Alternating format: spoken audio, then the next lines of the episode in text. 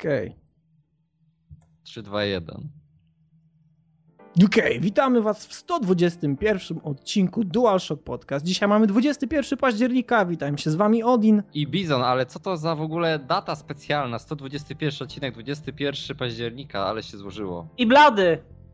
Dokładnie. A naszymi tematami są po pierwsze Hitman Absolution, później Bioshock Infinite, następnie Far Cry 3, a na sam koniec duży kawałek X-Koma Enemy Unknown. Tak więc zapraszamy. Kurwa, ale szybko to zrobiłeś, nie?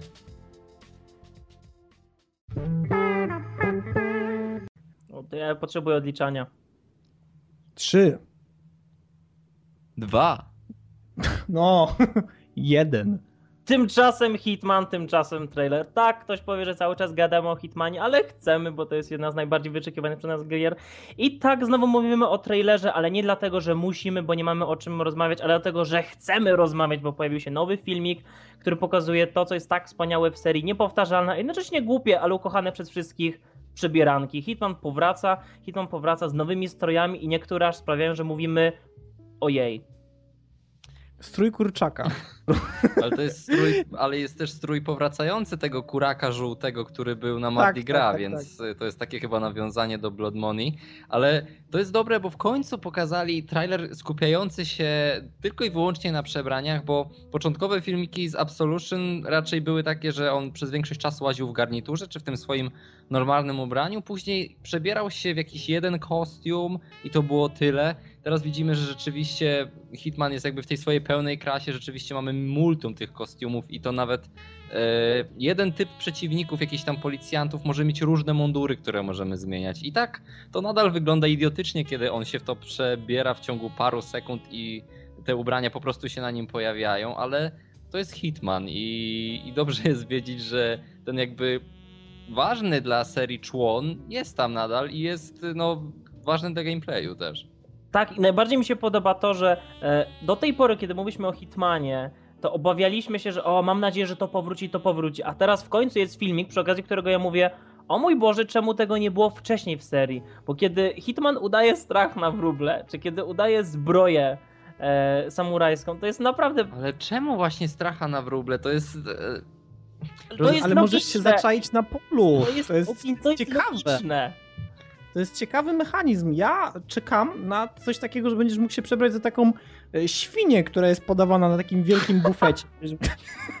Wyskakujesz z tej świni i zaczynasz strzelać. Albo z tortu po prostu. Ale nie, dla mnie to jest o tyle fajne, bo pomysł właśnie, że Hitman jest takim zabójcą, który potrafiłby siedzieć w bezruchu kilkanaście godzin czekając na ofiarę, jest naprawdę fajny. To mi się właśnie podoba, że po raz pierwszy jest pokazany taki kamuflaż, który pozwala zastyc, zastyc, zastygnąć w miejscu. Zastyc.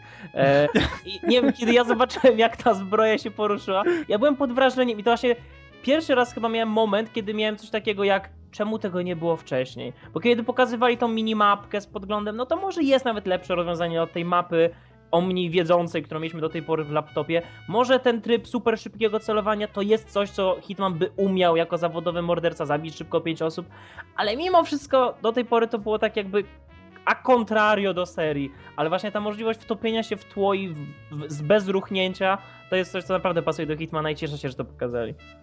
Ja mam nadzieję, że te przebrania będą dostępne bardziej w formie takiego ekwipunku, który trzeba sobie zamówić, a nie będzie to coś na zasadzie, że pierwszy strażnik, którego spotkasz, da ci możliwość wejścia do powiedzmy takiego rejonu, który znajduje się na obrzeżach, później znajdziesz kolejnego i będziesz mógł sobie tak żonglować tymi przebraniami, dlatego że to by doprowadziło do takiego mocnego uproszczenia Hitmana, czego byśmy chyba nie chcieli. Jakoś nie potrafię sobie wyobrazić, chociaż podejrzewam, że tak będzie, ale nie potrafię sobie wyobrazić takiej sytuacji, w której mając ten cały sprzęt na sobie i będąc na tej misji, która ostatecznie musi zakończyć się tym, że będziemy kogoś zabijać, będziesz w stanie przebrać się w strój, który będzie idealnie na ciebie pasował e, i założyć sobie hełm lub jakiś kask i tak dalej, i tak dalej jeżeli Hitman będzie mógł zakup zakupić sobie strój na misję, to będzie tylko bardziej realistyczne tak naprawdę, żeby mógł się lepiej wtopić w otoczenie. Właśnie o to mi chodzi. Element no przygotowania że... się 47 właśnie do zadań to jest coś, czego mi yy, będzie bardzo brakowało, jeżeli to się nie znajdzie. Nie wiem na, w jakim stopniu będzie można się przygotować przed misją. I też to, co powiedziałeś a propos ilości sprzętu, ja mam naprawdę nadzieję, że nie będzie można nosić MP5 pod garniturem, bo co bym dobrego nie mówił o Blood Money, Nienawidzę tego, jak można było mieć dwa hardballery z kolimatorami przedłużonymi, magazynkami, z szynami montażowymi i jeszcze do tego MP5 ze stałą kolbą, lunetą i magazynkiem bębnowym, wszystko pod idealnie skrojonym garniturem. I kiedy zmieniliśmy to na y, trampki, to nie, wszystko dalej było w porządku. Na tych nagraniach widzimy, że często jak jesteś przebrany i wtapiasz się w to tło, to nikt nie zwraca na ciebie uwagi. I to też jest według mnie dyskusyjne, dlatego że przecież jesteś łysy, twoje zdjęcia są porozwieszane w wielu miejscach, że jesteś poszukiwany, mimo wszystko nikt nie zwraca na ciebie uwagi. Nie chciałbym dostać takiego hitmana, ale też nie chciałbym dostać hitmana kontrakt, gdzie idąc normalnie, tak jak zwykły człowiek, wzbudzałeś ogromne podejrzenia, chodząc gdzieś tam rogami, bokami, jakąś dziwną ścieżką, wtedy w porządku ten człowiek na pewno nie zamierza, e, nie zamierza nic zrobić, bo jak idziesz prosto, to o, on jest zdeterminowany, pewnie idzie kogoś zabić. No, To było bardzo wkurzające w kąt. Tylko ciekawi, czy ten strój y, stracha na wróble pozwoli przejść przez takie gigantyczne pole, na przykład osłanie przez snajpera, które się odwraca, ty tup, tup, tup, tup, tup, podbiegasz, on się znowu odwraca. Hmm. Odwraca się znowu tup, tup, tup, tup, liczę? tup. Ale musisz taki wielki Już? pal ze sobą nosić, żeby się wbijać i zawieszać co chwilę. Nie, Hitman ma taki, zawsze, zawsze ma przy sobie ten kij. On go zawsze ma. I po prostu się I rozstawia. on przy jest po prostu. On, on zawsze go Ale- miał i to tłumaczy, dlaczego on chodził z taką postawą wyprostowaną. A teraz w końcu mam możliwość wykorzystać ten kij. E, Ale wiecie, y, co wydaje mi się, że będzie obecne w grze? Będziesz mógł sobie właśnie wybrać przebranie, w którym będziesz rozpoczynał grę. Dlatego, że w wielu momentach na tym nagraniu Hitman jest widoczny w różnych przebraniach, w miejscach, gdzie teoretycznie tych przebrań normalnie nie mógłby zdobyć. No ale tak, Tak bo więc możemy zamawiać ja widzę szansę. wcześniej. Że będziemy sobie robić wyzwania w stylu Hitman w stroju stracha na wróble robi totalną masakrę w mieście. I znika za każdym razem, nie? Tak, Dokładnie, i ten znika i strach na nikt środku ulicy w ogóle nie wzbudza moich podejrzeń. Nie? Wszyscy wokół leżą, on po prostu na tym palu nabitym na środku ulicy stoi. To na pewno nie on. I tylko ta, takie całe mankiety w krwi poplane, nie? nie? To na pewno nie on. On był świadkiem. E, Podoba mi się jeszcze to, że, znaczy nie wiem, czy to nie będzie ograniczone wyłącznie do pokazówek, ale w jednym momencie e, Hitman Ej, trailer 47 Shock Podcast. udaje sędziego. I mi się od razu Tak. przypomniała scena z Blood Money, kiedy mogliśmy się podszyć za księdzem. Mieliśmy całą ukrytą e, animację, kiedy e, Angon 47 przeprowadza ceremonię zawarcia ślubu, tylko po to, żeby zaraz przeprowadzić e, Nic pogrzeb. no, osoby oglądające oczywiście nasz, nasz let's play mogą zobaczyć tą scenę chyba w moim przejściu, a jeszcze nawet nie pamiętam. W niewielu misjach była możliwość właśnie takiego w pełni odegrania scenki jako 47, tylko to było głównie chodzenie gdzieś na tyłach, a teraz możliwe, że będzie właśnie więcej takich sytuacji w stylu tutaj ten strój naukowca, który pozwala przeprowadzać jakieś tam eksperymenty i odpalać te e, maszynerie, którymi pozbawiamy życia innych. Hitman, jaką wielką drogę przeszliśmy. Okej, Dobra, bo już się zapędzaliśmy za daleko. Z... ale trailer Shock Podcast tak po prostu popełni, nie? Po Gry ze całości. Snickersa. Gry ze Snickersa.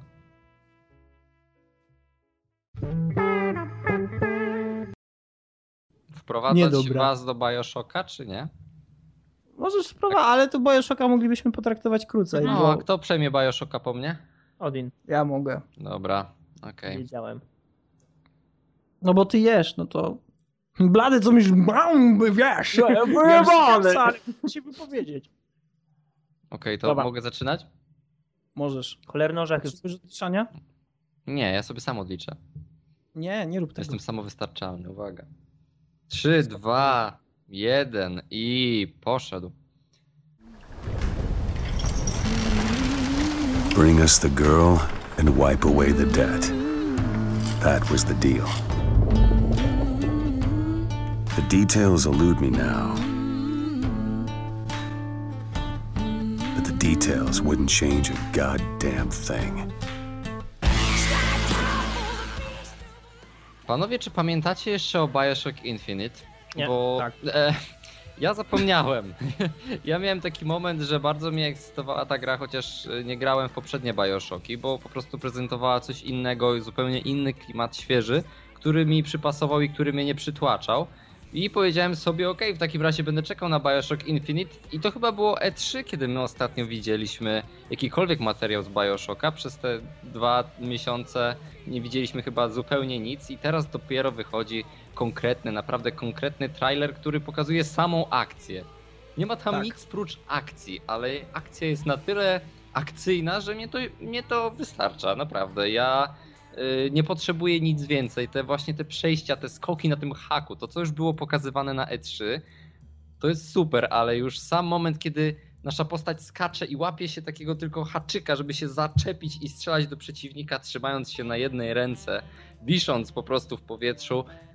Fajnie to wygląda. Ja myślę, że to takie mechaniki bardziej przypasowywały do tej pory w grach yy, trzecioosobowych, ale no Bioshock jest dość odważny i robi to w pierwszej osobie i rzeczywiście wygląda to dobrze i funkcjonalnie przede wszystkim. To nie jest takie oderwane, że wydaje ci się, a lepsze to by było, gdyby to jednak była trzecia osoba, więcej by się widziało i w ogóle. Nie, to jest zrobione w ten sposób, że ty mówisz do siebie, tak, to jest first person shooter, ale taki, który ja chcę po prostu grać.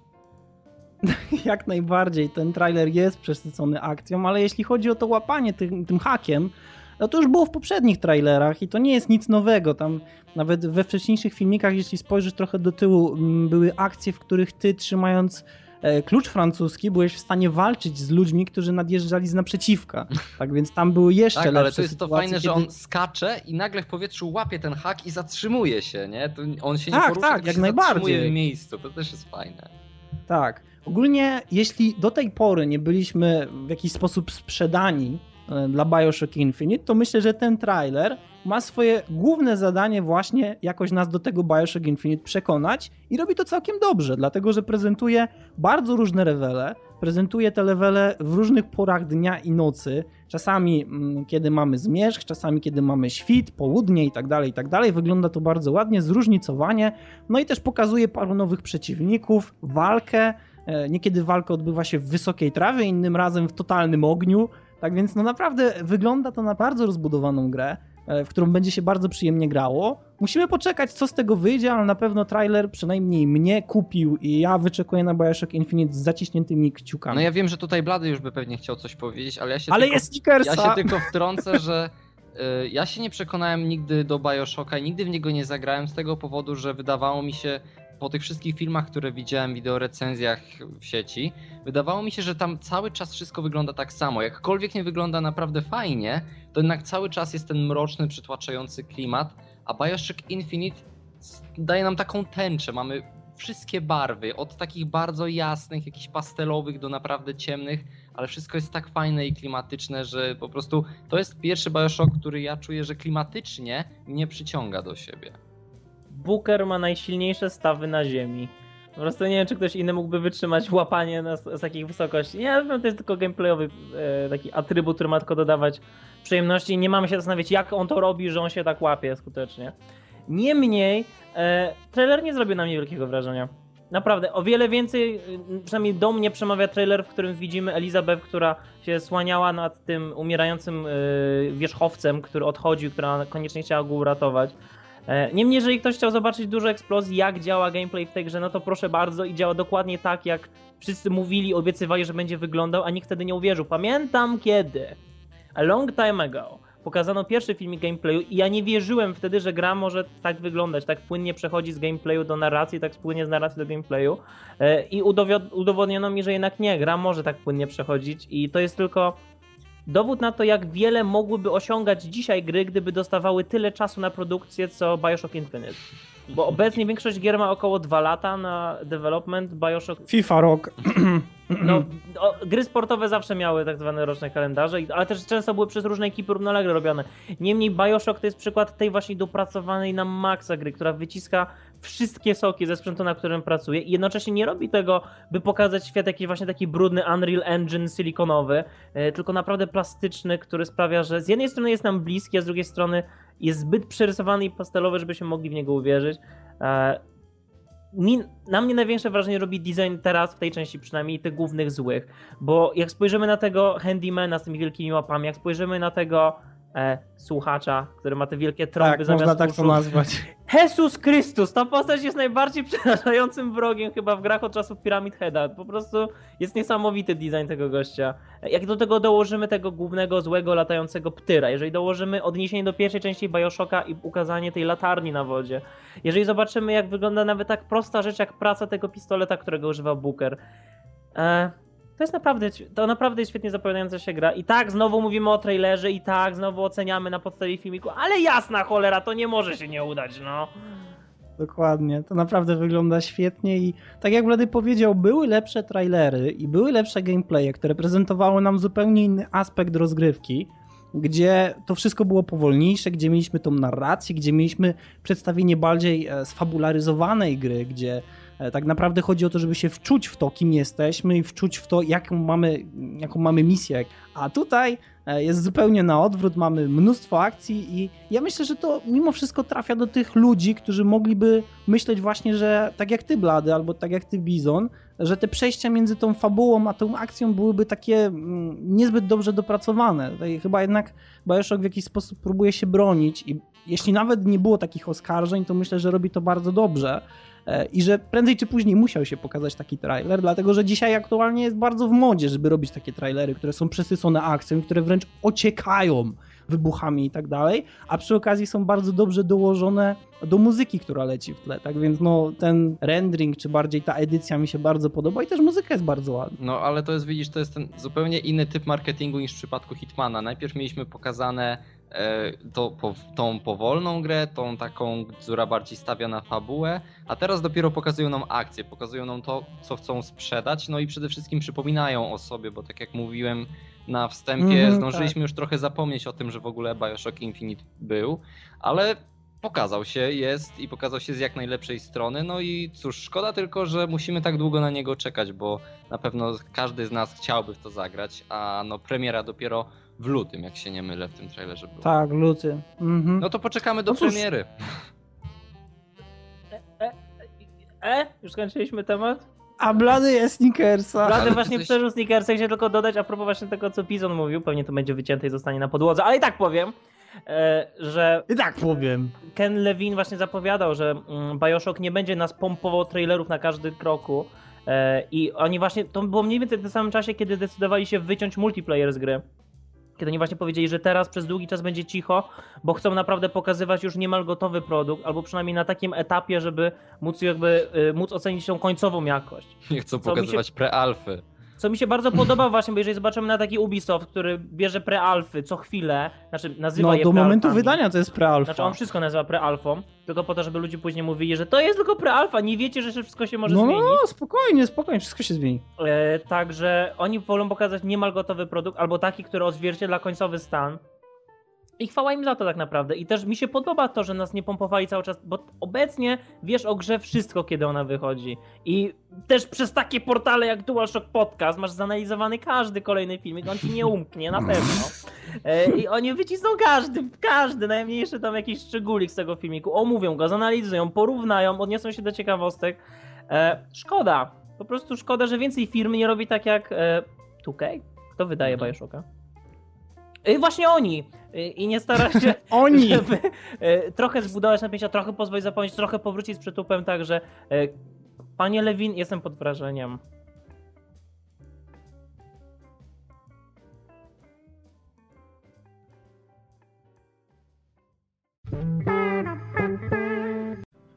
Targa, Dobrze. targa, targa, targa. I to trzeci temat, czyli Far Cry trzeci. E, A konkretnie długi, bo 14-minutowy gameplay prezentujący nam, jak wygląda nowy Far Cry. E, I wygląda bardzo ciekawie, chociaż e, razem z Bizonem i z Bladem mamy pewne wątpliwości, jeśli chodzi o poziom trudności, w którym właśnie to demo jest uruchomione, dlatego że wydaje się, że ten poziom trudności jest naprawdę bardzo, bardzo niski, bo przeciwnicy wydają się po prostu nas nie widzieć, nie trafiać, a wszystkie te zagrożenia naturalne, które miały być rzeczywistymi zagrożeniami, wydają się trochę śmieszne. Ale to jest śmieszne z tego względu, że zazwyczaj kiedy oglądamy takie właśnie długie gameplaye z gier, to gra w nie ktoś bardzo doświadczony, ktoś kto bardzo dobrze zna tą grę, zazwyczaj jest to jeden z jej twórców i on pokazuje ją na takim dość zrównoważonym poziomie trudności, tak żeby przedstawić grę w ten sposób, jak y, taki typowy gracz, który, do którego oni uderzają, który nie jest laikiem shooterów, który włącza od razu sobie tryb easy, tylko zaczyna no co najmniej od tego normala, a tutaj nagle pokazuje się filmik, gdzie przeciwnicy są żadni, nie widzą nic. Y, Są pojedynki, gdzie my jesteśmy z nimi na dwa metry i oni nie potrafią w nas trafić i w ogóle na przykład stoją w miejscu tylko po to, żebyśmy mogli w nich strzelić. I tak, może, może źle do tego podchodzimy, nie? nie? Nie chcemy oceniać tego na razie w ten sposób po prostu. Zróbmy tak. Zazwyczaj mówimy o tym, że jest jakiś gameplay i go oceniamy. Ja go nie oceniam pod względem poziomu trudności, bo nie chcę robić trailer shock podcast, gdzie już ocenię całą grę. Ja ocenię raczej e, elementy składowe, które są poza poziomem trudności, czyli na przykład naszą interakcję ze światem dzikim w tej grze, czyli e, ze zwierzętami. Otóż e, rozumiem, że można tam zabić jakąś tą kozę z łuku, podejść i wyciągnąć z niej coś tam. No Dobra, Serce. Serce, to wygląda jak serce. Po prostu wbijasz nóż, wyciągasz to serce, masz serce. Ale później No, z ale- serca magicznie się robią paski skóry, które przerabiasz na idealnie wyprofilowane kabury udowe. Ale ja już Tak? to. Tak. ja, już, Tak, ja już to łykam. dobrze. Ale słuchajcie, ja już to łykam, Tego nie zauważyłem. bo wiadomo, że pewne elementy gameplayu muszą być uproszczone tylko dlatego, że musimy się jednak skupić na tym, co jest w tej grze najważniejsze, czyli strzelanie, czyli podróżowanie po tej całej wyspie. Kto by się trudził tym, że nie wiem, musisz z kozy wyciągnąć jakiś organ i później go przerabiać, żeby coś z tego uzyskać. Rozumiem, że można takie uproszczenie wprowadzić, ale skoro już wprowadzamy dzikie zwierzęta i dajemy graczowi możliwość walki z nimi, to niech to będzie rzeczywiście, nie wiem, naturalne. Niech ten niedźwiedź zachowuje się jakoś jak dzikie zwierzę, a nie jak coś, co jest po prostu sterowane sztuczną inteligencją. Ten tygrys- Przepraszam, przepraszam, ja chcę, ja chcę to dodać tutaj, bo strzelasz z niedźwiedzia i niedźwiedź robi i ty strzelasz znowu i on robi i strzelasz po raz trzeci on robi i pada. Ale ja nie wiem, czy wy kiedykolwiek oglądaliście na jakimś programie przyrodniczym, jak wygląda dziki tygrys i jak on się zachowuje, jak się zachowują na przykład tygrysy w środowisku naturalnym, jak one polują i jak one atakują swoją ofiarę. Tutaj tygrys wybiega z krzaków, tak? On wygląda jak motyl. Ale słuchaj, on, obiegać tak, się ty, ty, naokoło, mm, idź sobie. obiega cię naokoło tak, że no praktycznie 180 stopni z pleców ci wybiega i atakuje cię obiema łapami takim skokiem i tak puf, i nic ci nie robi, a ty po prostu walisz do niego serią z MPK tak pryk, pryk, pryk, pryk, pryk, pryk, pryk i jemu się nic nie dzieje i on w końcu ginie. Tak. Dla, dlatego, że on ma pasek, taki wiesz, życia i ty mu zbijasz ten pasek i, i, on w ogóle, wiesz, nic się z nim nie dzieje złego. Ale ostatni I momentalnie, pocisk kiedy ten pasek y, critical living failure i po prostu się, się wyłącza. On, ten, ten pasek się kończy i tygrys w tym momencie robi bye bye.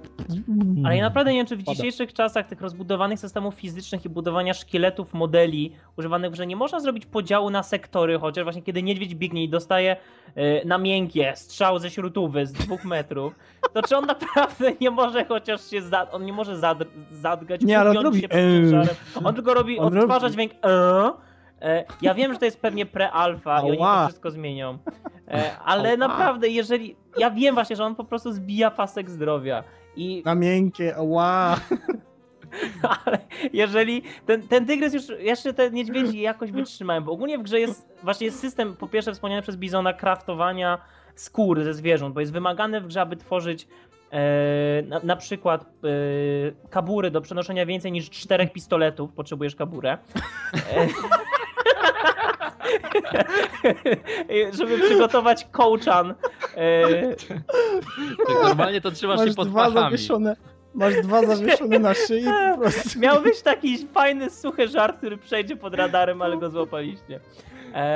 Na przykład, żeby stworzyć większy kołczan, dowiaduje się, że musisz mieć cztery tam skóry z antylopy i dwie z gazely. No i zaczynasz to polowanie, bo oczywiście żaden inny materiał się nie nada. Tylko Ale i w ogóle kto ci to mówi? w grze Ja masz napisane, masz craft, masz okienko craft i masz tam napisane wymagane skóry do różnych przedmiotów.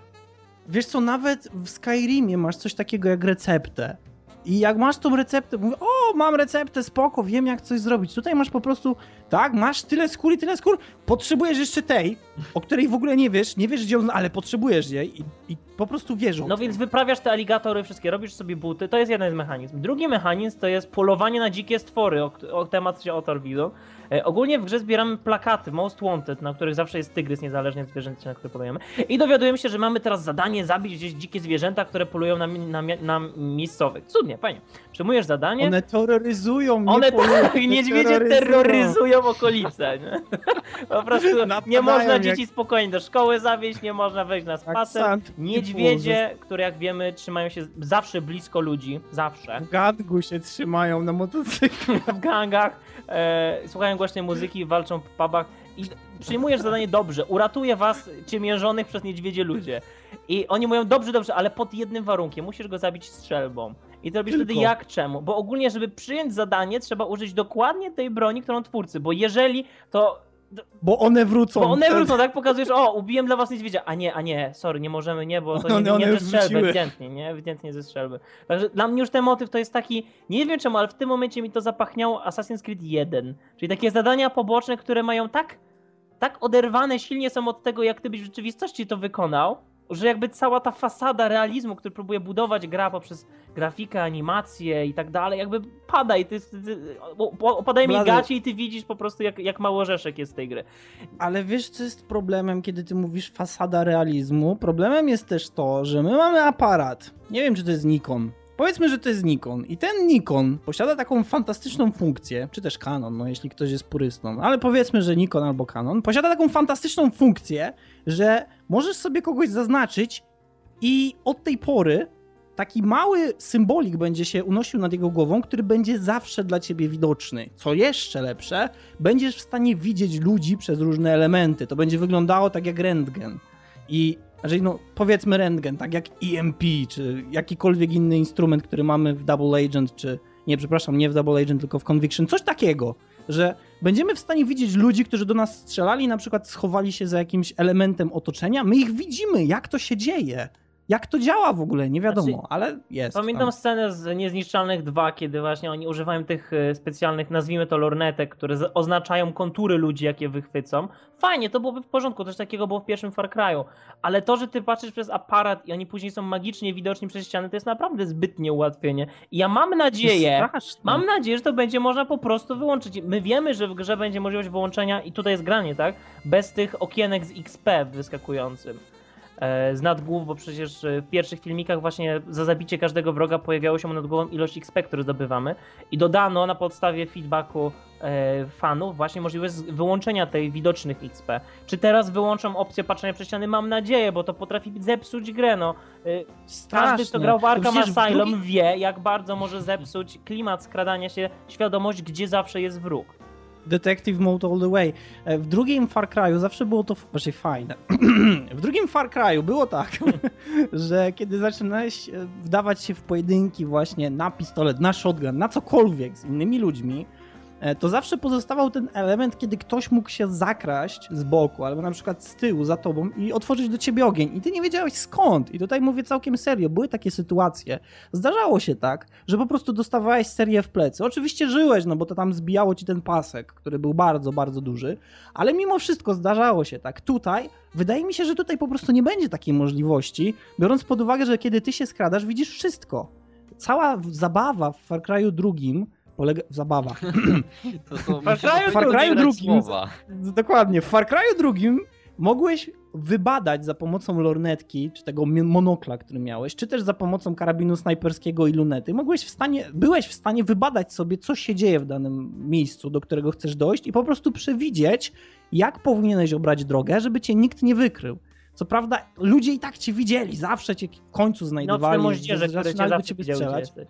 Tak, dokładnie, ale mimo wszystko to była to część mechaniki jakoś, w cudzysłowie, która była całkiem dużą odskocznią od tego, co zwykle robiło się w Far Cry drugim. Tutaj to nie wygląda tak, jakby w ogóle była opcja czegoś takiego, kiedy nie musisz się skradać, bo widzisz niemalże wszystko.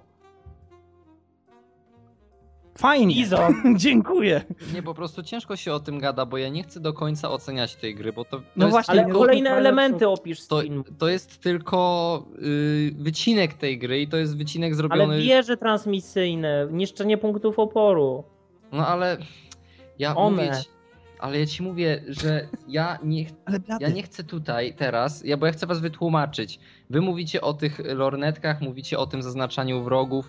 Być może to jest związane z jakimś poziomem trudności albo z y, czymkolwiek, co jest w tej grze Niesamowicie szczerze I co? wątpię. i co ma jakikolwiek sens, bo bo ja wierzę, że ta gra w samym swoim jakby rdzeniu będzie bardzo dobra, tylko obawiam się, po tym filmiku ja się obawiam tylko tych zwierząt, bo wiem, że wszystkie te nie obawiaj się ich. obawiam się tego, że będzie to źle y, rozplanowane i źle wykonane w tej grze, ale nie obawiam się wcale jakości tej gry, bo poprzednie, wszystkie poprzednie filmy, jakie my widzieliśmy z tej gry, ocenialiśmy bardzo dobrze i wiadomo, że tam jest masa dobrych rzeczy i to jest po prostu według mnie zła prezentacja i nie mówmy tutaj, nie róbmy takiego naszego na, typowego narzekania, bo ja naprawdę, jeżeli mam coś na coś narzekać tutaj dzisiaj, to, to tylko są te głupie zwierzęta.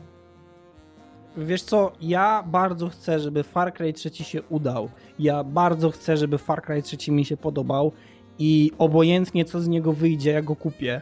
Ale mimo wszystko nikt nie zabroni mi mówić tutaj, że coś jest nie tak, dlatego że z tą grą może być coś nie tak. Obojętnie jak ostatecznie będzie wyglądać w momencie premiery, aktualnie na tym gameplayu, wygląda po prostu jakby miała ze sobą parę problemów i miała konflikt kierunków. Nie wiedziała w którym momencie chce być łatwa, w którym momencie chce być trudna. Wydaje mi się, że e, Ubisoft powinno się skoncentrować na tym, żeby uczynić z Far Cry'a prawdziwą grę imersyjną w cudzysłowie, która pozwoli ci się wczuć w człowieka, który rzeczywiście łazi po jakichś wertepach, po jakiejś dżungli, po jakichś lasach i rzeczywiście musi się obawiać tego, co może tam Ale widzisz, znaleźć. nam się wydawało, razie- nam się wydawało, że ta gra będzie właśnie tak wyglądać po pierwszych zapowiedziach, ale z czasem ten obraz się zmienił już wtedy, kiedy widzieliśmy te gameplaye, gdzie tam biegaliśmy po statku i strzelaliśmy tam przy brzegu, więc y, ja już porzuciłem zupełnie nadzieję na to, że to będzie Far Cry, w którym jesteśmy takim właśnie samotnikiem gdzieś w dżungli, że to po prostu no, jest kolejny Far Cry, kolejny shooter z otwartym terenem i z tego próbuję wynaleźć pozytywy, a już nie myślę o tym, jak ta gra myślałem, że będzie wyglądać. No, ja się wstrzymuję na razie od decydującego głosu, czy też oceny. Obawiam się tego, co wyjdzie, ale mimo wszystko wyczekuję. I czy powróci wątek mutantów z jedynki? O nie.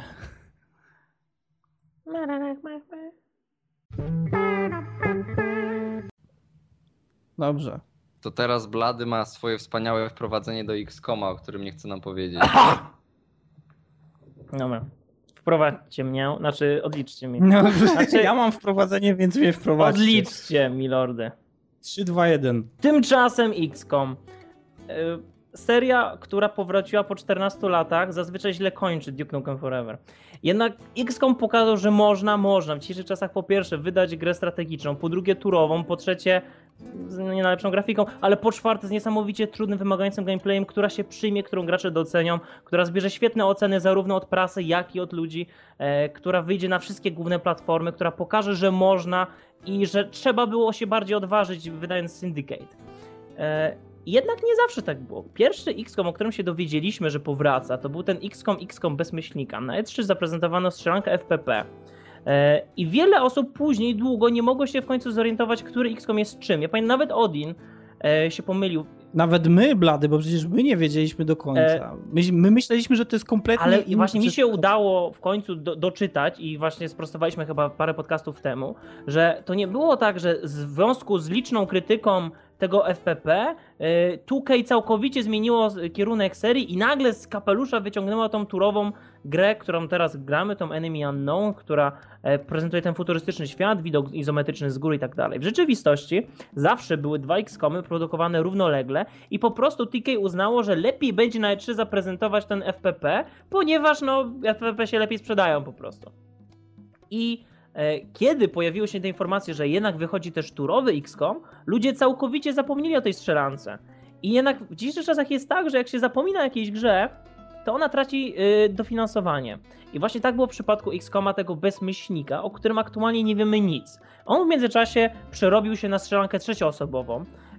y, W związku z naprawdę silnym naciskiem ze strony fanów, którzy byli totalnie niezadowoleni z kierunku, który oni obrali w tamtej y, części, zaczęli dodawać coraz to kolejne opcje dowodzenia tym oddziałem, bo początkowo mieliśmy tam podstawowe atakujcie i strzelajcie.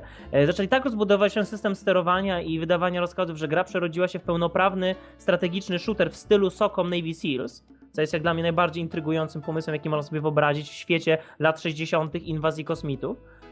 I gra zniknęła. Aktualnie ona jest w jakimś wydawniczym limbo, brakuje firmy, która to może dokończyć. E, I ogólnie plotki głoszą, że jeżeli tytuł wyjdzie, to wyjdzie jako tytuł w stylu I Am Alive, czyli gra, która była swego czasu promowana jako wielki AAA tytuł, a która wyjdzie jako po prostu odchudzony, obcięty z wszelkiego tłuszczu i mięsiwa produkt jak na Xbox Live Marketplace. E, Co mnie poniekąd smuci, bo o ile ja jestem mega zachwycony tym nowym XCOM i zaraz będziemy o nim rozmawiać i Odin będzie nam go recenzował, i będzie pod gradobiciem pytań. O tyle, moim zdaniem, klimat dla 60. jest o wiele ciekawszy jako setting do tego ataku. I co więcej, uważam, że design tych ufolutków z XCOMa FPP również był ciekawy. Nie powiem, czy lepszy, czy gorszy. Na pewno nowocześniejszy i będzie mi naprawdę brakowało, jeżeli ten FPP nigdy nie wyjdzie. Tym bardziej, jeżeli miałby być w tej formie sokomowatej, bo jak niektórzy wiedzą, jestem fanem serii Sokom e, i brakuje mi realistycznych gier, tym bardziej, jeżeli miałby być to e, realistyczny Sokom w świecie mm, XCOMa. Ale pamiętaj, że teraz po, su po sukcesie tego X-Koma turowego oni mogą znaleźć ludzi, którzy będą chcieli to dokończyć, bo wydaje mi się, że sukces, jaki już teraz osiąga nasz ten turowy, taktyczny XCOM Enemy Unknown, on już jest na tyle duży, że to jest jakby teraz zapalnik do tego, żeby ta seria trwała nadal i skoro oni mają niedokończoną grę, którą można jeszcze skończyć i można zrobić z niej naprawdę dobry taktyczny shooter, a nie strzelankę, która by była zupełnie bez mózga i stawiałaby tylko na to, żeby zabijać kosmitów. Jeżeli to ma być coś więcej i ma coś dodawać do całej serii, to myślę, że warto by było, żeby to powstało. No ale to tylko taka ode mnie tutaj dygresja. Może Odin teraz już przejmie stery. Dobra, więc e, po pierwsze, zaczynając tą recenzję, nie skończyłem X-Koma przeszedłem parę misji i mam już mniej więcej wyrobione zdanie. Na samym początku to zdanie było raczej negatywne, dlatego że XCOM posiada mnóstwo problemów ze sobą. Naprawdę, ogromnie dużo problemów, e, z czego dla każdego, kto grał w poprzednie XCOMy, te problemy będą trudne do zdzierżenia. Na przykład dla mnie parę tych rzeczy, które tutaj występują, powiedzmy jakieś trzy, jeśli miałbym liczyć na palcach, są tak idiotyczne, i są tak głupimi decyzjami, że ciężko jest zrozumieć, kto wpadł na taki pomysł, dlatego że naprawdę nie wiem. Wydaje mi się, że każda osoba, która miałaby jakiekolwiek pojęcie o takich grach tego typu, czyli turowych RPGach, można powiedzieć w cudzysłowie, prędzej czy później wpadłaby na pomysł jednak innego wykonania, ale o tym będę mówił za chwilę. Żeby nie zrobić tutaj e, czegoś takiego, że będę mówił tylko same złe rzeczy na temat XCOMa, to zacznę od tych samych złych rzeczy, a potem powiem o tych dobrych, tak żeby się to wszystko zbilansowało i żebyście, drodzy słuchacze, zostali właśnie z tymi dobrymi rzeczami na sam koniec podcastu, dlatego że zakończenie ponoć jest bardzo ważne w swojej przemowie. Tak więc, zacznijmy od tego, złe rzeczy. E, po pierwsze, dla każdego, kto chciał konstruować swój skład tak, jakby mu się to wy... widzi mi się, jakby było jego wyobrażenie na temat tego, jak powinien wyglądać jego skład i zachowywać się jego żołnierze. Gra mówi, nie, to ja losuję ci, kim będzie twój żołnierz. I to mnie bardzo wkurzyło, dlatego że e, zaczynamy grę tak naprawdę z czterema żołnierzami, którzy na razie nie mają swojej specjalizacji. I odgrywamy nimi pierwszą misję, i oni nagle tą specjalizację dostają, ale ta specjalizacja jest losowana przez grę. Tak więc może się zdarzyć, że będziesz miał nagle czterech snajperów albo czterech heavy i nie masz na to żadnego wpływu. Jeśli chcesz kogoś nowego, musisz kupić nowego żołnierza, odbyć nim jedną misję i liczyć na to, że gra wylosuje ci to, czego potrzebujesz. Tak więc tu jest pierwszy problem. Ale to problem. nie opiera się na tym, że po prostu zależnie od tego, jak on się zachowuje na pierwszej nie, misji. Nie, nie, nawet nie opiera się. w swojej recenzji pokazał właśnie materiał z gry, kiedy e, jakaś tam kobieta Marsgul u niego po prostu totalnie niszczyła wszystko z Assault Rifle, była maszyną do zabijania, była bezwzględnym rzeźnikiem, medyk. Tak, więc to jest naprawdę bardzo poważny problem, dlatego że dla każdego, kto chce zacząć XCOMa w taki sposób, aby osiągnąć jak najlepsze wyniki w tej grze, to będzie naprawdę no to będzie przeszkoda nie do Ale pokonania. pamiętajmy, że to można że... rozwiązać bardzo prosto patchem, jeżeli już. Szkoda po prostu, że... Owszem, ale na razie tego patcha na Steamie nie ma i nie wiem kiedy się pojawi. E, niemniej chcę dokończyć, e, to może być naprawdę bardzo duży problem, dlatego że XCOM ma to do siebie, że w zależności od tego jaką masz klasę, to dany żołnierz używa innej broni. Nie jesteś w stanie zmusić żołnierza na przykład heavy, czyli tego ciężkiego, aby używał na przykład shotguna czy też snajperki. On nie jest w stanie tego używać. On używa bardzo ciężkiego karabinu i jest do tego przywiązany na razie na stałe. Później, w zależności od tego, jakie bronie będziesz sobie opracowywał, to będziesz mógł te bronie zmienić, ale na samym początku, przez pierwsze parę misji jesteś przywiązany tylko i wyłącznie do tej samej broni. Tak więc, zakładając, że ta broń nie jest zbyt celna, ale o tym będę mówił za chwilę, dlatego że to jest kolejny problem, e, to możesz wpadać w takie kuriozalne sytuacje, kiedy żołnierz, który znajduje się dwa metry od obcego, po prostu w niego nie trafia. Natomiast gdybyś miał shotgun, sprawa rozwiązałaby się bardzo szybko. I widzisz ten shotgun. Przy tym shotgunie nawet jest znak nieskończoności. Nie wiem, co to znaczy, chyba że masz ich tak dużo. Ale niemniej nie możesz mu go dać. On go nie chce dotknąć, on nawet na niego nie patrzy, on nim gardzi. Tak więc to jest bardzo duży problem. Tym bardziej, że na przykład może ci się trafić ekipa pełna snajperów. I co wtedy?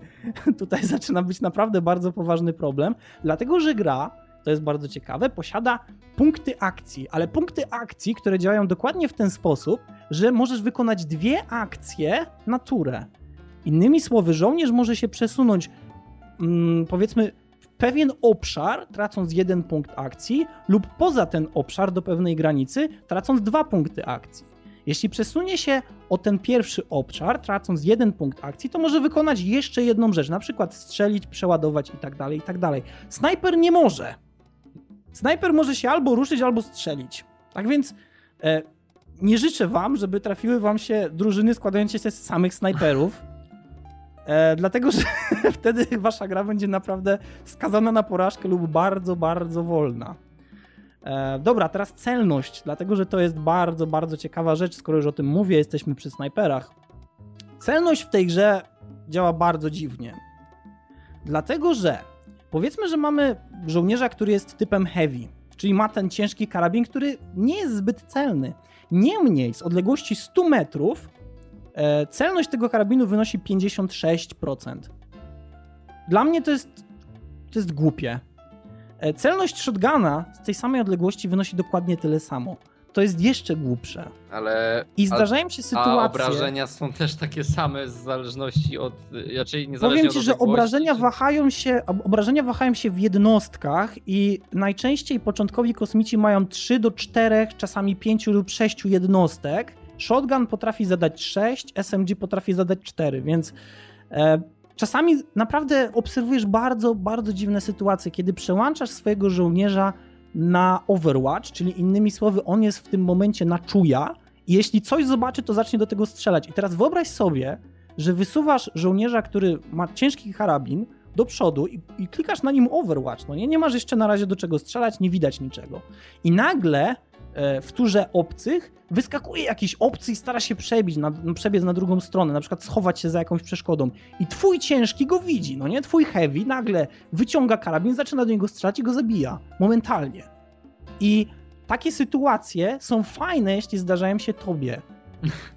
Jednakże, kiedy obcy zaczynają cię zabijać właśnie w ten sposób, to zaczyna być problem. Dlatego, że oprócz tego, że celność w tej grze nie ma aż tak dużego znaczenia i to mnie po prostu doprowadza do bólu głowy, to przy okazji zdarzają się takie sytuacje, kiedy obcy są w stanie strzelać z wnętrz budynków.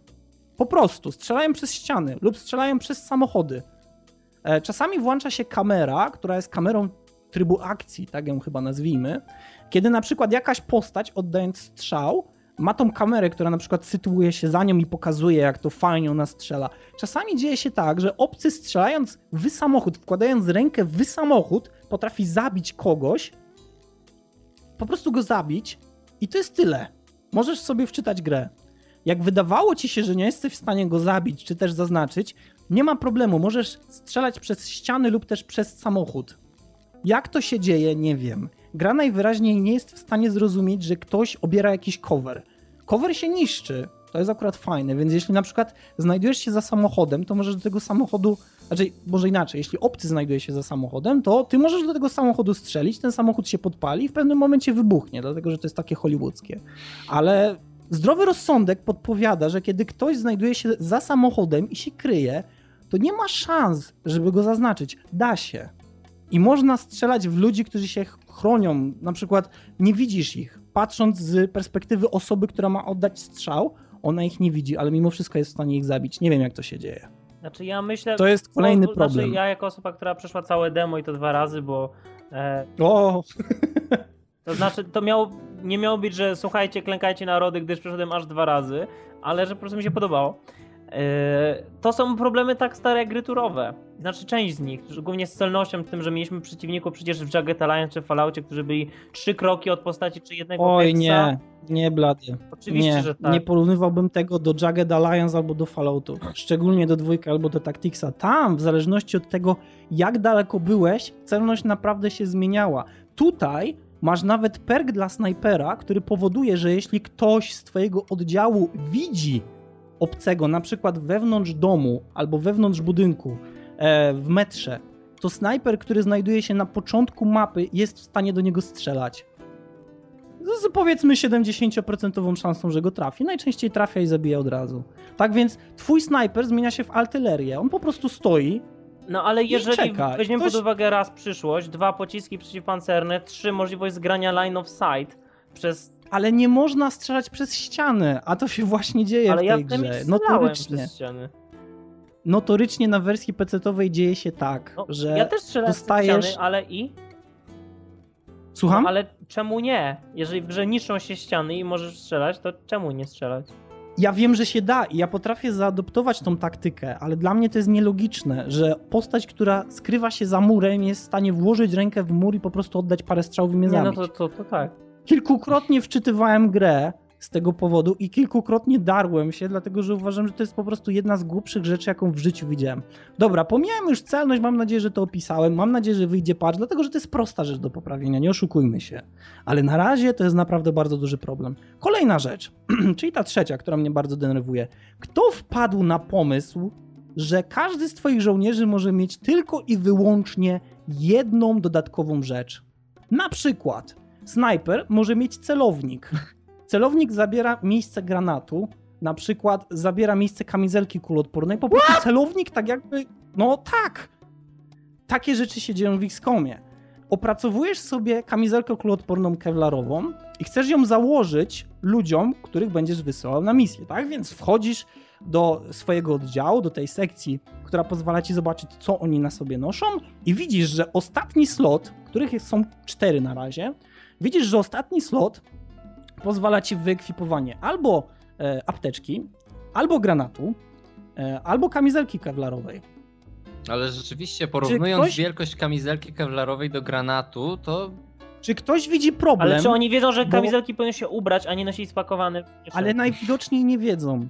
Tak samo jeśli snajper weźmie celownik, tak? Celownik, bo on ma celownik w karabinie, z którego korzysta, ale możesz mu opracować lepszy, to ten celownik zajmuje właśnie miejsce granatu, apteczki albo e, kamizelki kevlarowej. Nie wiem, nie rozumiem. Shoes off to the Polish team. Znaczy wiesz, bo to nie jest element, który jest realistyczny, tylko to jest bardziej właśnie ten taki RPGowy system, gdzie masz przedmiot dający ci jakieś e, no pewne Ale plusy to jest dla twojej postaci. tak Ja Ale ja wiem, bym się, bardzo. ja, nie ja bym się zgodził na przykład, że okej, masz jeden dodatek, ale to na pewno nie taki, który by zajmował... Nie, nie, nie. Nie, to, no bo wiadomo, że jeżeli jest- mamy kamizelkę albo mamy celownik, to to powinno być po prostu zastępowane na broni, bądź też Ale powinno y- być jeden dodatek na broń, jeden dodatek na żołnierza, Tak. jeden dodatek do paska.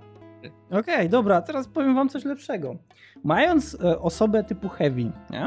ona może mieć drugą broń. I na przykład tak się zdarzyło, że mój heavy miał wyrzutnię rakiet. I wyrzutnia rakiet ma przy sobie znowu znaczek nieskończoności, więc myślę, hej, a fajnie, no ja będę miał dużo rakiet. Nie, mam jedną. Tylko i wyłącznie jedną. Tak samo, e, to jest dokładnie to samo co z granatem. Mam tylko jeden granat. Mogę mieć tylko jeden granat. Ale nie ma jakichś Bo broń Boże, wziąłbym grze, dwa. żeby zwiększyć ilość tego zbrojenia? E, tak, support. Tu właśnie, widzisz, te problemy się zaczynają zazębiać. Support jest w stanie używać na przykład trzech apteczek na misję, mimo że dasz mu jedną. Trzy razy jest w stanie ją użyć, dlatego módl się, żeby gra łaskawie wylosowała ci supporta. O.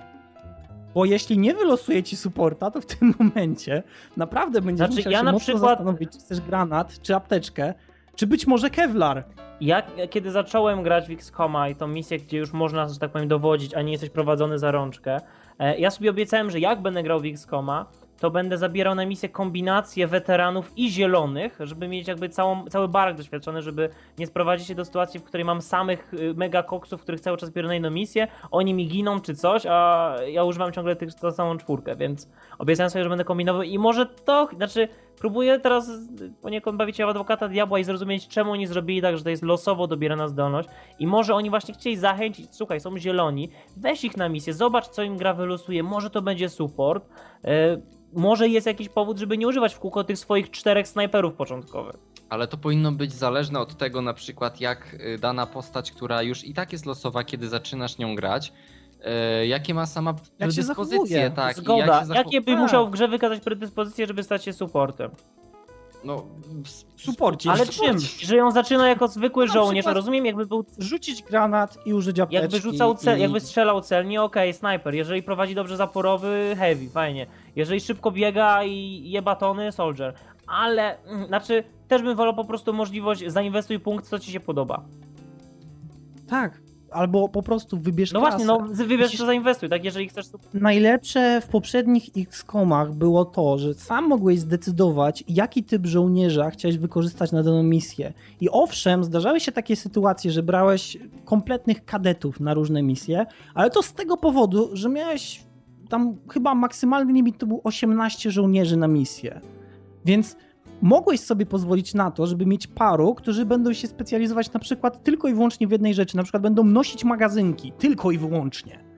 Tutaj na przykład mamy nieograniczone magazynki, one się nigdy nie kończą, trzeba je tylko przeładowywać i one nagle mają znowu Thermal amunicję. E, tak, więc e, po prostu tutaj akurat nie ma tego problemu, ale problem zaczyna się właśnie w tym momencie, kiedy naprawdę misja mogłaby się rozegrać zupełnie inaczej, gdyby przeciwnicy mogli być wykańczani w taki sposób, jaki chcesz, ale nie możesz. Wykorzystujesz tylko i wyłącznie to, co ci gra daje, a daje ci naprawdę mało na samym Ale ja początku. mam wrażenie, że to jest, to jest ta różnica, że czy chcesz być e, free solistą, czy grać na nutach, które daje ci gra. No, Może bez sensu było to porównanie. Ja, kiedy ja grałem w XCOMa i miałem wrażenie po pierwsze, że ona mnie nie ma za debila. To było pierwsze wrażenie, kiedy odpaliłem XCOMa. Znaczy pomijając tutorial, który mnie prowadzi jak zapal, zapaluszek jak debila. Niemniej sama gra jakby uczyć cię swojej mechaniki, swojej czasem naprawdę dziwnej mechaniki, jak to, że e, kazałem swojemu żołnierzowi wybiec jak najdalej w pole, bo chciałem zrobić recon. Się okazało, że tuż za rogiem byli e, obcy, ale on ich ominął, pobiegł dalej, mimo że i nie mogli nic zareagować w żaden sposób. I Ominął ich, po prostu pobiegł sobie dalej gdzieś tam prosto w ich, e, że tak powiem, skupisko, co było głupie, no ale wymusiło na mnie później poruszanie się skokami, tak jakby pewnie żołnierze się poruszali. Tak, zdenerwowało mnie, kiedy mój snajper zginął za half cover, ale później pamiętałem, żeby zawsze używać pełnej osłony. Tak, zdenerwowało mnie, kiedy e, ten teleportujący się G-Man e, przeskoczył przez jakąś tam przeszkodę i zabił mojego gościa, ale też mogłem pamiętać, żeby ktoś pilnował mu plecy. Więc w jakiś sposób ja, nie wiem, oczywiście nie grałem tyle co ty, ale też nie grałeś, nie przeszedłeś całej gry. Więc może, znaczy to jest teraz to okłamywanie się, nie, że może można rozwijać te zdolności, może można odblokować więcej opcji e, uzbrojenia czy twoich gości, czy e, ekwipunku, które zabierają. Ja ci mogę powiedzieć, jak to później Mi się, wygląda. podoba, mi później... się podobają te ograniczenia, które narzuca gra, bo one wymuszają yy, większe kombinowanie w polu. Właśnie granie na tych ograniczonych zasobach też sprawia, że czujesz, jakbyś naprawdę był przeciwko inwazji, bo gdybyś mógł zabrać nigdy 18 nie opuszcz... gości na misję, to nie byłoby to samo. Okej, możesz brać maksymalnie nawet iż tych sześciu, możesz nawet mieć ograniczenie do czterech, okej, ale nadal nie rozstajesz się z tym przeczuciem, czy z tym takim.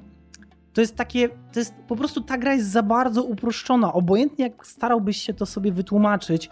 I ja tutaj bardzo, nie, nawet nie będę przepraszał. Dla graczy konsolowych ta, ta gra być może jest ok, ale dla mnie jako starego pececiarza, tak w cudzysłowie, naprawdę nie jestem w stanie przeboleć tego, czym i jak wygląda XCOM. Czym się stał i jak wygląda. No ale Dlatego, że w porównaniu do poprzednich części, w porównaniu do tego głupiego Fallouta Tactics, który jest tak wyśmiewany przez wszystkich fanów Fallouta, naprawdę XCOM jest tak cholernie uproszczony.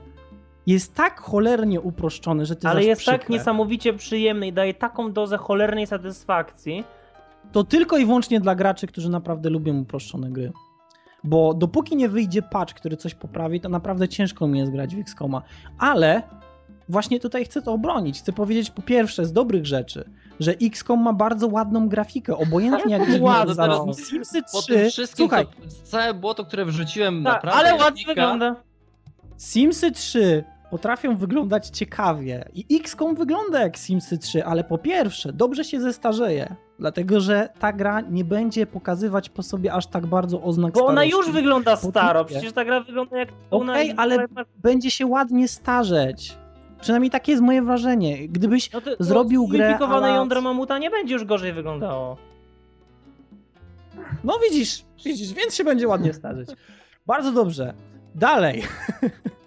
e, jeśli chodzi w ogóle o sam feeling tej gry, to lokacje są bardzo fajnie zaprojektowane. Wiem, że są losowe, ale zdarzają się takie sytuacje, kiedy na przykład zestrzelisz statek UFO, kiedy twój wahadłowiec ląduje transportując tą twoją szóstkę czy też czwórkę wiernych, wiernych żołnierzy i wszystko wokół ciebie płonie, dlatego że y, spodek wylądował gdzieś w lesie, cały las stoi w płomieniach, ty widzisz tą scenerię i to ci, to, to ci się naprawdę podoba, to jest naprawdę ładne. I, I te efekty, jeśli chodzi o pył, o dym, o błyski, to jest naprawdę zrobione na wysokim poziomie, przynajmniej dla mnie. I ja nie oczekuję po XCOMie więcej. Ja wiem, że ludzie powiedzą, ok, XCOM powinien wyglądać lepiej i tak dalej, ale spójrzcie na poprzednie XCOMy. Tak naprawdę wszystko chodziło o to, aby ograniczyć się do właśnie do tej taktycznej rozgrywki. Ja wiem, że ona jest uproszczona, ale mimo wszystko graficznie wygląda fajnie.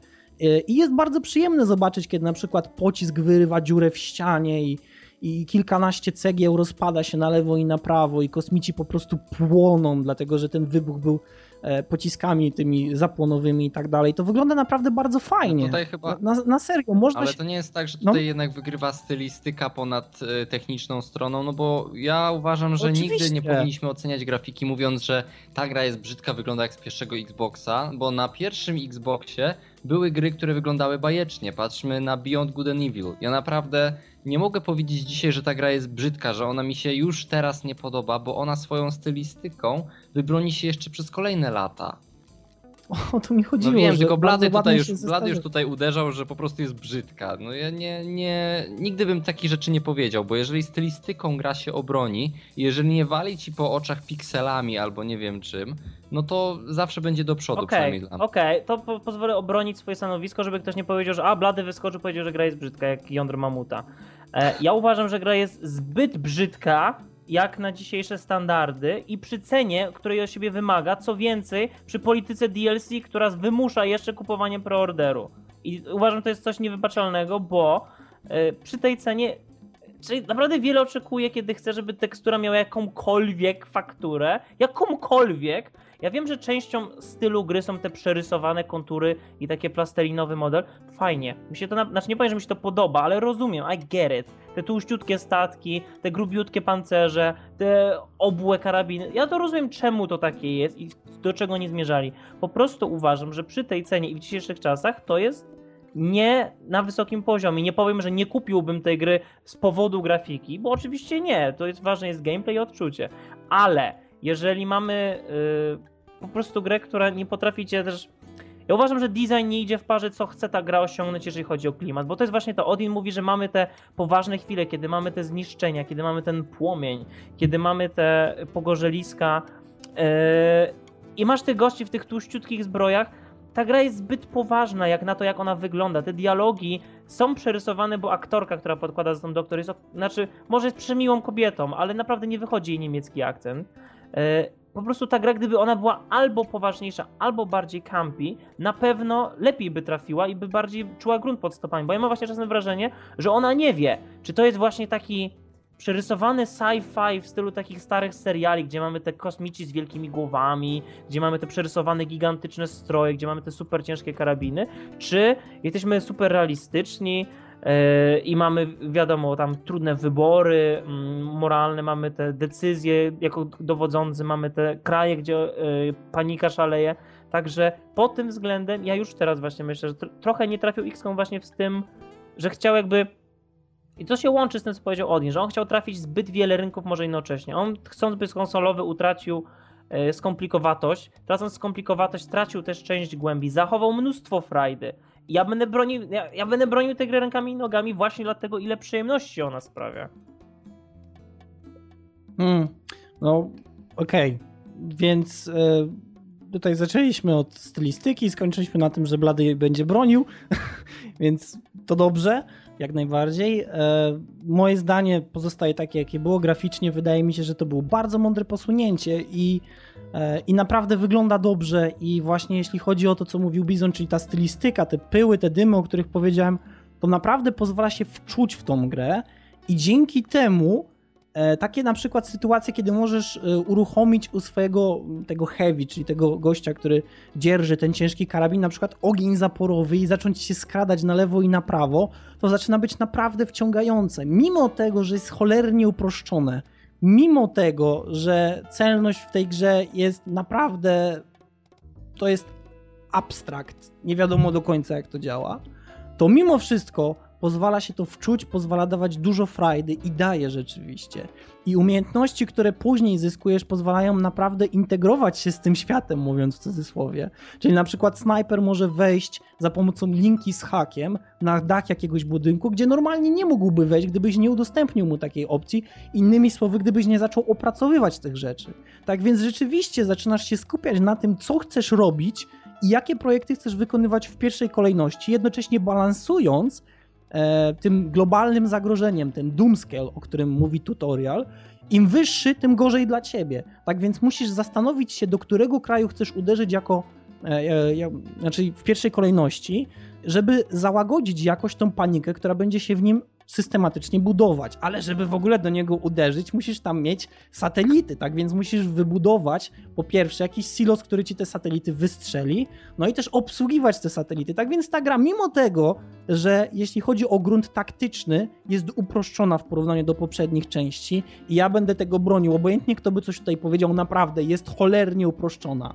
To mimo wszystko gameplayowo, już poza walką, pozwala wczuć się właśnie w takiego dowódcę, który rzeczywiście musi balansować tym, co będzie rozwijał. I też bardzo fajne jest to, że oprócz tego, że musisz balansować tym, co będziesz rozwijał, musisz też balansować pieniędzmi, czyli ogólnym bilansem na ile, ile wydajesz pieniędzy w ciągu na przykład jednego miesiąca na utrzymanie swoich statków powietrznych, które będą zestrzeliwać UFO, ile wydajesz pieniędzy na rehabilitację ludzi, ile wydajesz pieniędzy na to i na to i na to, ale też skąd czerpiesz prąd, żeby to wszystko zasilić, ile masz generatorów i tak dalej. żyć? Tak więc gra zaczyna się w taki sim, taki sim simulator, który jest naprawdę bardzo wciągający i dla każdego, kto widzi w tym e, coś fajnego, to myślę, że znajdzie w XCOMie naprawdę bardzo dużo frajdy.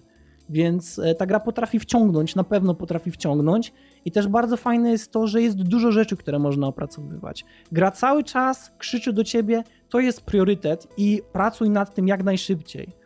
Ale ty, jako gracz, który jest inteligentny i cwany, robisz to oczywiście w ostatniej kolejności i wykonujesz mnóstwo pobocznych misji tylko po to, żeby być jak najlepiej przygotowanym na to, co później gra na ciebie rzuci. To rzeczywiście potrafi dawać mnóstwo frajdy, kiedy okazuje się, że możesz mieć trastery na plecach i możesz latać swoim człowiekiem, unosić się e, w powietrzu i tak dalej, i tak dalej. Pojawiają się różne nowe bronie, możesz łapać tych obcych, przeprowadzać na nich sekcje zwłok, możesz sprzedawać ich ciała na czarnym czy też szarym rynku. To naprawdę zaczyna być wciągająca i rozbudowana gra, która oferuje bardzo, bardzo dużo. I dlatego właśnie powiedziałem na samym początku tej recenzji, że XCOM ma w sobie mnóstwo problemów. On mógłby być świetną grą. Naprawdę świetną grą. Ja mógłbym teraz tutaj siedzieć i opowiadać wam, jak fantastyczny jest XCOM i jak wiele rzeczy, jak wiele rzeczy się w nim udało. A mimo tego posiada naprawdę bardzo proste problemy i przez to nie jest świetną grą. Jest grą, którą powinien sprawdzić każdy, kto chciałby zagrać w takiego XCOMa, kto miał kontakt z takimi XCOMami albo kto lubi takie gry. Na przykład, nie wiem, jak Final Fantasy Tactics. Jeśli ktoś lubi Final Fantasy Tactics, to myślę, że w XCOMie też znajdzie coś, co polubi. Ale niemniej, naprawdę, ta gra mogłaby być czymś lepszym. Mi się wydaje tylko, jeżeli tu już mogę zamknąć ten temat, że nie powinieneś jeszcze Odin mówić tak już zakańczając o XCOMie, bo ty tak mówisz, gdybyś przeszedł tą grę i już ją ocenił w pełni, jednak jeszcze jej nie skończyłeś, więc ja myślę, że może. Ale myślę, że te błędy nadal ja wiem, pozostaną. wiem, ale jeszcze wiele rzeczy pewnie wpłynie na zmianę twojej oceny ostatecznie i może nie róbmy z tego takiej ostatecznej recenzji. Też nie mówię, że w jakimś odcinku do tego powrócimy, ale na pewno przy okazji jakiegoś, nie wiem, wspominania o innych grach, czy też podsumowania roku, czy coś, jeszcze będziesz miał okazję się wypowiedzieć o XCOMie. My na pewno będziemy cię jeszcze pytać o XCOMa i dowiadywać się, jak to się rozwija dalej, bo jak gdybym miał możliwość, to bym to sprawdził, jednak demo u mnie praktycznie w ogóle nie ruszyło i to mnie bardzo smuciło. Nie, nie, nie dane mi było po prostu sprawdzić X-Koma. Jeszcze może kiedyś to zrobię. Niemniej to jeszcze nie traktujmy tego jako ostatecznej recenzji i jakiegoś, nie wiem, podsumowania tego, jaka ta gra rzeczywiście jest. Dobrze, że powiedziałeś, że każdy powinien to sobie sam sprawdzić. Jest demo na Steamie, jest demo na konsolach, więc myślę, że kto chce, to sobie obada X-Koma sam i no, sam stwierdzi, czy rzeczywiście mamy podstawy twierdzić, te rzeczy, które dzisiaj tu usłyszeliście. No i myślę, że tutaj zamknijmy X-Koma i przejdźmy do zakończenia. Siadło. Och.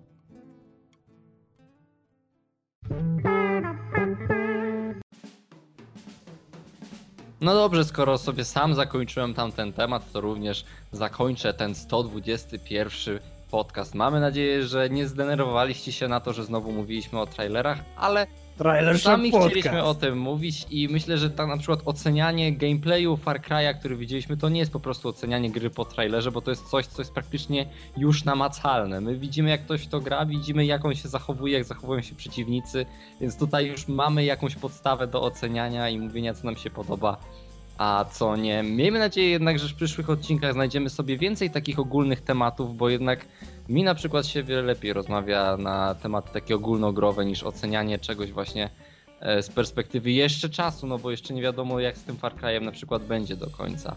Niemniej, no dzisiaj już kończymy i żegna się z wami Bizon. Odin. Blady i wiecie, że kiedy słuchacie ten podcast, już się pomału pokujemy na wyjazd na Poznań Game Arena. Jest. Yes! Jest. Targa.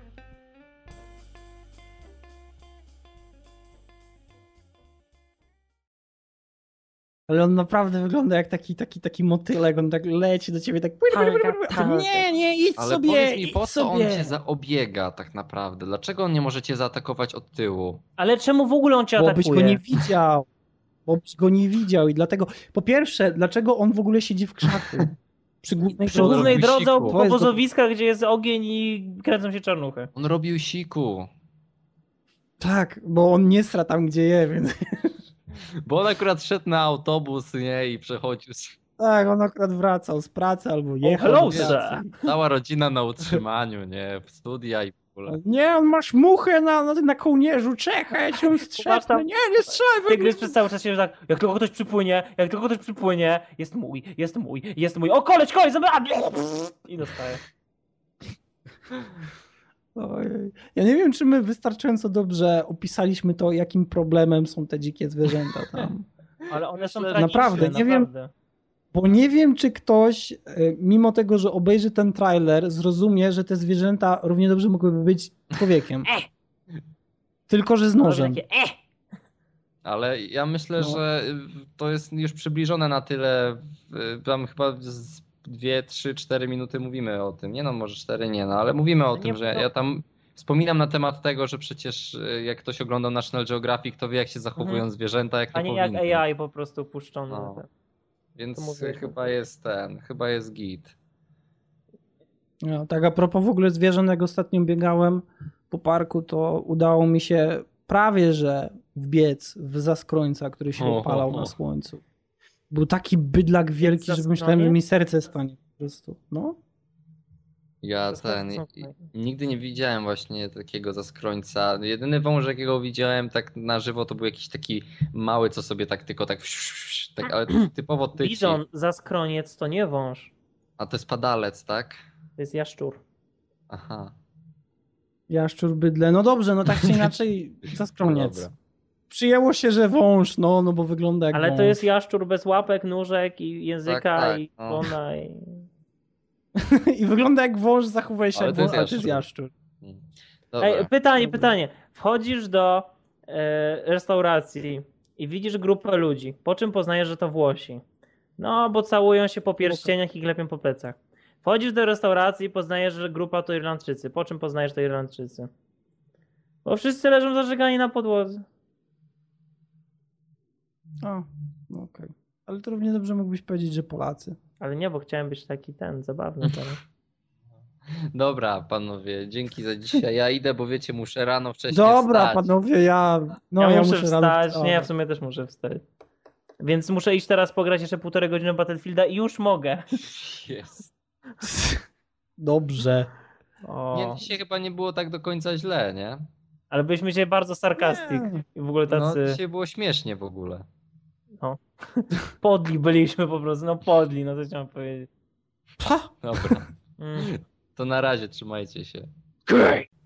Okej.